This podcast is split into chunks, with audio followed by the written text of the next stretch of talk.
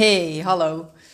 Vandaag uh, neem ik een podcast op terwijl ik aan mijn eigen keukentafel lekker zit te waterverven.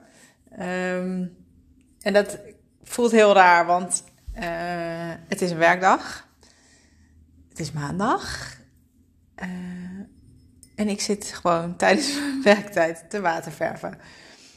Het is super dubbel, want het is aan de ene kant iets wat ik heel graag wil, namelijk mijn eigen tijd bepalen en uh, op het moment dat ik het voel, de dingen doen die ik graag wil doen. Uh, en aan de andere kant is er natuurlijk ook dat stemmetje dat zegt: hoezo ben jij niet keihard aan het werk, geld aan het verdienen, um, om ervoor te zorgen dat je uh, omzet deze maand op peil is? Um, en waarom kies ik er dan toch voor om het wel te doen? Um, ik kies ervoor omdat ik weet dat dit nu even het beste is. Um, als je, en daar zat ik heel erg in, uh, het gevoel hebt dat je heel erg aan het duwen bent, uh, of aan het trekken bent, maar in ieder geval heel hard aan het werken bent, um, dan is dat vaak een teken dat je er niet helemaal lekker in zit. Um, en vroeger ging ik dan heel erg door, toen ik nog op kantoor werkte. Dan wist ik, oh ja, dit nog even, dat nog even. Oh ja, over twee weken is het vakantie. Um, dan kan ik dan wel bijkomen. Uh, wat, als het, wat als gevolg had dat ik dan uh, in de vakantie uh, vaak ziek was. want dat, dan kwam het er dan allemaal uit. Nou, daar probeer ik tegenwoordig, uh, dat probeer ik tegenwoordig voor te zijn. Um, en nu voelde ik me vanochtend, ik weet niet of je mijn stories gezien hebt, uh, voelde ik me alsof ik een heel weekend heel hard gefeest had. Uh, was ik gewoon echt heel moe. Um, en dacht ik, ja, wat heb ik nu nodig? Um, nou, dat is dan niet nog even een tandje bijzetten, maar dat is dan dus een tandje afschakelen. en dan kijk ik voor mezelf van, hé, hey, wat is er vandaag? Nodig? Wat moet er echt even gebeuren? Nou, uh, ik heb mezelf gecommit aan een podcast opnemen. Dat heb ik gedaan. Uh, ik wil graag elke dag uh, aanwezig zijn op stories. dus ik heb een storyreeks gemaakt. Ik heb zelfs een, uiteindelijk daar nog weer een post achteraan geplakt. geschreven. Um, en nu ben ik dus inderdaad die podcast aan het opnemen. waardoor... Um, oh ja, en ik wilde... hoe heet dat? Het huis stofzuigen en dweilen. want mijn hulp die is al een aantal weken uit de running. Um, dus dat doe ik dan. En als ik dat achter elkaar aanplak, dan heb ik daarna uh, de ruimte om te doen wat nodig is. Um, en van het weekend uh, nou ja, zat ik al over na te denken. En, en nou, had ik bedacht van... Hey, wat zou nou het onderwerp voor de podcast van maandag moeten zijn? En dat onderwerp is... Uh, zorg dat je een basis hebt. weet je, het klinkt heel luxe. Hè? Um, ik ben uh, in 2019, eind 2018, heb ik mijn baan opgezegd uh, om voor mezelf te beginnen. Um, en op 1 januari 2019 um, ehm, nou, was het daar, vier het leven en, en, en begon ik. ik had een basis. In de zin van, op dat moment had ik spaargeld. en ik had het met mijn man op een bepaalde manier afgesproken. Um, dat we het een tijdje uit konden zingen en dat ik de tijd had om um, nou ja, een bedrijf op te bouwen. Uh, we hadden daar omzetdoelen bij, uh, maar het kon ook wel even leiden als het uh, niet zo heel nou ja, voortvarend zou gaan. Of weet je wel, we hadden daar een beeld bij van hoeveel geld hebben we nodig um, om jouw bedrijf te kunnen laten starten. En dat is de omgekeerde denkwijze van wat veel mensen doen. Want um, wat ik heel veel mensen um, nu hoor doen. En nou, in deze podcast wil ik me echt vooral ook richten tot de, um, nou, de net startende uitvaartbegeleiders. Of de uitvaartbegeleiders die in loondienst zijn. Uh, in loondienst nog in een andere branche. Of in loondienst zijn in de huidige branche. En die zich heel erg laten leiden door angsten. Dus die, nou, misschien diep van binnen wel voelen dat ze een stap zouden willen maken naar uh, zelfstandig ondernemerschap. Um, maar het nog niet durven. En uh, nou, bijvoorbeeld niet durven omdat ze uh, een stukje zekerheid loslaten. Ehm, helemaal als jouw gezin afhankelijk is van jouw salaris. Ehm, dan kan je niet zomaar doen wat ik heb gedaan. Ehm, en toch geloof ik dat er altijd iets is wat je kan doen om ervoor te zorgen dat uh, jouw droom binnen handbereik is. Um, ik luisterde op een gegeven moment een podcast en um, nou, daar zei iemand, dat was een podcast van Thijs Lindhout en die was in gesprek um, met een gast en die gast die zei van ja, weet je, als je een hypotheek neemt, zorg nooit dat die zo hoog is dat je niet minder zou kunnen gaan werken. Of um, zorg er dus inderdaad voor dat als je vijf dagen in de week werkt en daarvoor kiest, um, dat je de financiële middelen ook hebt om een dag minder te gaan werken. Want uh, als, we, ja, als je jezelf zo vastzet, dan is er niks mogelijk. En nu ik dit zo zeg, realiseer ik me dat ik het in dit podcast wel eerder heb gezegd. Um, weet je, het kan een kleine stap zijn om twee uur in de week minder te gaan werken. Als het voor jou niet mogelijk is om meteen een dag minder te gaan werken of om heel je baan op te zeggen. Ga dan kijken naar wat er wel mogelijk is. En nou, weet je, zorg voor die basis. Ik, daar bedoel ik mee dat je um, nou, iets hebt waar je op terug kan vallen. Dus inderdaad, je, in het ondernemen, um, helemaal als je dan zelfstandig wilt ondernemen is het belangrijk dat je vanuit een soort van vrijheid en een soort van onbevangenheid kan uh, ondernemen. En daar heb je waarschijnlijk een bepaalde basis voor nodig. En het is aan jou om dan te ontdekken: hé, hey, waar zit die basis voor mij? Um, het kan best zijn dat, dat heb ik heel veel collega's ook zien doen, um, die dan dus inderdaad op een gegeven moment besluiten van ik um, ga uren minder werken, zodat er uren ontstaan om mijn andere werk te doen. En een van mijn coachklanten bijvoorbeeld, die werkt voor grote overheid, uh, overheidsinstantie. Um, en toen ze bij mij kwam, ja, aan alles is duidelijk dat uh, haar werk in de uitvaartbranche, dat dat is waar ze, als ze mocht kiezen, los van geld en tijd, uh, het liefst al haar tijd in zou willen stoppen. Um, haar financiële situatie laat dat niet toe. En dan kan je zeggen: Oh, nou nee, het is voor mij niet weggelegd. Laat maar. Of um, ja, wat zij doet, is dus inderdaad kijken naar de mogelijkheden. En um, nou ja, sinds ze bij mij is, gebeurt er bij haar een hoop. Um, ook klantentechnisch is ze in trek en, en wordt ze veel gevraagd. Nou werd ze daarvoor ook al wel veel gevraagd, maar ik help haar ook echt om te kiezen voor de klanten waar ze blij van wordt.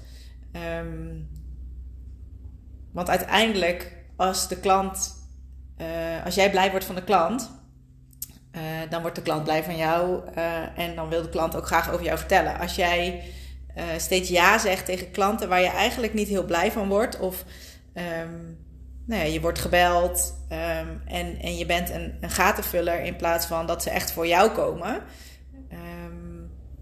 ja, dat is wel een wezenlijk verschil in, in de energie die dat met zich meebrengt. Zeg maar. Hebben ze gewoon iemand nodig of willen ze echt jou?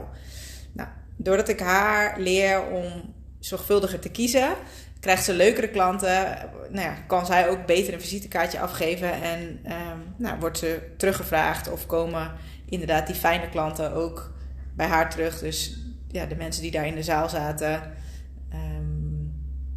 zijn ook fijne mensen en die komen dan ook echt voor haar. En nou goed, dat is uiteindelijk de fijnste manier om uh, te werken. Um, maar het gaat om die basis. En voor haar is die basis van dat salaris is, um, heel belangrijk. En toen ze bij mij kwam, zat ze op 32 uur. Um, nou ja, als je er dan dus nog iets naast wil doen, dus best pittig. Uh, nou is het een vroege vogel en lijkt het bij haar soms alsof er meer uren in een dag zitten. Maar ergens ook voor haar zit er een grens aan uh, nou, het aantal uren in een dag. Dus hebben we samen gekeken van hoe kan je nou um, ja, toch meer ruimte maken voor uh, het werk wat je zo graag wil doen.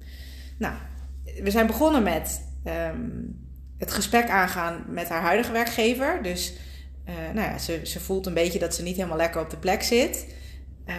Ja, dan kan je extern gaan solliciteren. Of je kan gewoon intern het gesprek aangaan om te kijken waar de ruimte daar zit.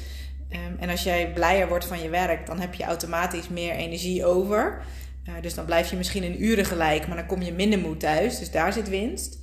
Um, en ik zei tegen haar: zoek eens uit wat het minimum is wat jij nodig hebt om jouw leven te kunnen leiden. Je huur te kunnen betalen, um, nou, de dingen te kunnen doen die jij wil. Um, wat is daar het minimum voor? Nou, toen kwamen we er al gauw achter dat ze daarmee vier uur minder zou kunnen gaan werken. Ze is het gesprek aangegaan met haar werkgever om um, nou ja, te kijken van, goh, is er ook een andere functie waar ik beter tot mijn recht zou komen?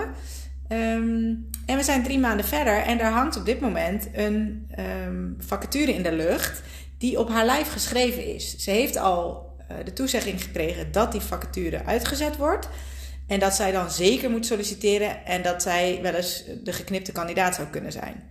Ja, ik vind dat echt te gek.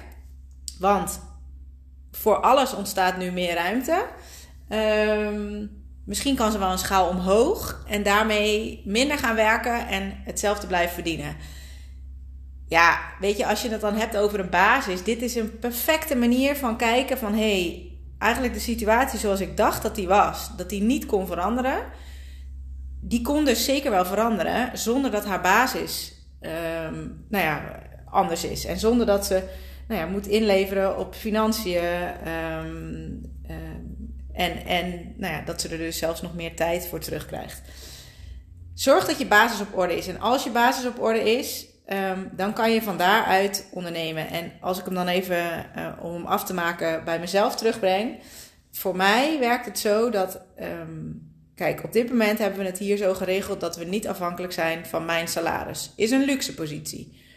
Um, daar ben ik alleen qua uh, mijn tarieven en uh, nou, mijn uurloon, ben ik daar nooit naar gaan leven. Um, waarom zeg ik dit? In de uitvaartbranche zijn veel dames actief die wellicht, net als ik, niet afhankelijk zijn van hun salaris, want nou, ze hebben een man die uh, meer geld verdient. Die dames die passen hun tarieven erop aan. Dus die vragen zo weinig dat het voor iemand die wel afhankelijk is van zijn inkomsten niet te doen is om mee te concurreren. Um, dat heb ik nooit gedaan. Dus ik heb altijd. Um, mijn tarieven zijn in die zin, natuurlijk zijn ze meegegroeid met mijn ervaring, maar uh, mijn tarieven zijn nu zodanig dat ze. Um, dat het niet uitmaakt wat mijn man verdient, zeg maar. Ik verdien gewoon met mijn uh, tarieven wat ik wil verdienen. Um, en daar, heeft er niks mee te maken, zeg maar, hoe de situatie hier thuis is. Wat mij heel veel rust geeft, is de gedachte dat um, ik heb ook Pabo gedaan. Um, en ik kan vanuit vrijheid ondernemen, omdat ik weet dat stel dat we hier op een moment in de situatie belanden waarin we wel afhankelijk zouden zijn van mijn salaris, dan heb ik morgen een baan in het onderwijs. Dat betekent niet dat het hoeft, maar dat het kan. Ik heb vorig jaar op het punt gestaan om ook een baan aan te nemen in loondienst. Um, de eerste de beste sollicitatie ik wist gewoon dat ik die baan zou krijgen. Um, en toen heb ik ze ook afgebeld, want ik voelde toen: nee, dit is het niet. Wat het mij heeft opgeleverd, is dat ik dus voelde: ik wil helemaal niet terug in loondienst. Dat kan ik niet meer. De enige uh, constructie die voor mij toen nog uh, interessant was, was een ZZP-constructie. Nou, dat heb ik ook een tijdje gedaan. Uh, totdat ik merkte dat die ZZP-constructie buiten mijn branche, dat dat niet voor mij werkte. Um, op dit moment heb ik nog een ZZP-constructie met de Aprella V Academie waar ik aan verbonden ben. Dat werkt voor mij. Nou, weet je, zo heb ik een aantal dingen die ervoor zorgen dat ik een basis heb. Um, en dat als het dus zo loopt dat er morgen, uh, um, nou, een, een, uh, dat het nodig is dat ik een fulltime baan heb, dan ga ik morgen in het onderwijs werken. Um, en dan kan ik zo de kostwinner zijn. Het hoeft trouwens niet eens het onderwijs te zijn. Die andere baan bewees ook dat ik zomaar weer een baan had. Um, dus voor mij voelt dat als mijn basis. Dat ik weet dat ik zo weer een baan heb. Uh, en dat nou ja, geeft mij de rust om, uh, om te ondernemen en het ook op mijn manier te doen. Ik hoop dat je hier iets aan hebt. Dat je uit deze podcast haal dat ook al lijkt je situatie misschien nog zo vast en het lijkt misschien alsof het voor jou niet is weggelegd om die uitvaartbranche in te gaan.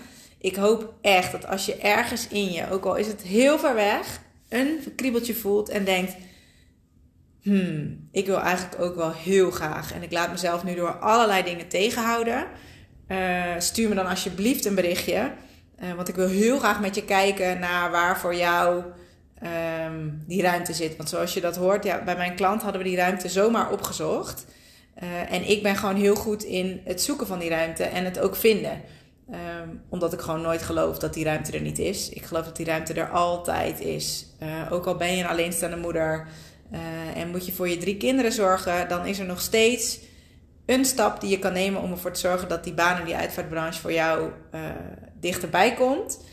Uh, ik help graag om, om, uh, om jouw route helder te krijgen. Um, dat was hem voor vandaag. Ik, ik ben er morgen weer. en ik vind het heel leuk om jullie berichtjes te ontvangen, ehm, jullie reacties te horen. Uh, dus als je hem geluisterd hebt en je hebt er iets aan gehad, laat het me weten. Deel het. Uh, ik hoor het heel graag. En dan uh, ben ik er morgen weer. Tot dan!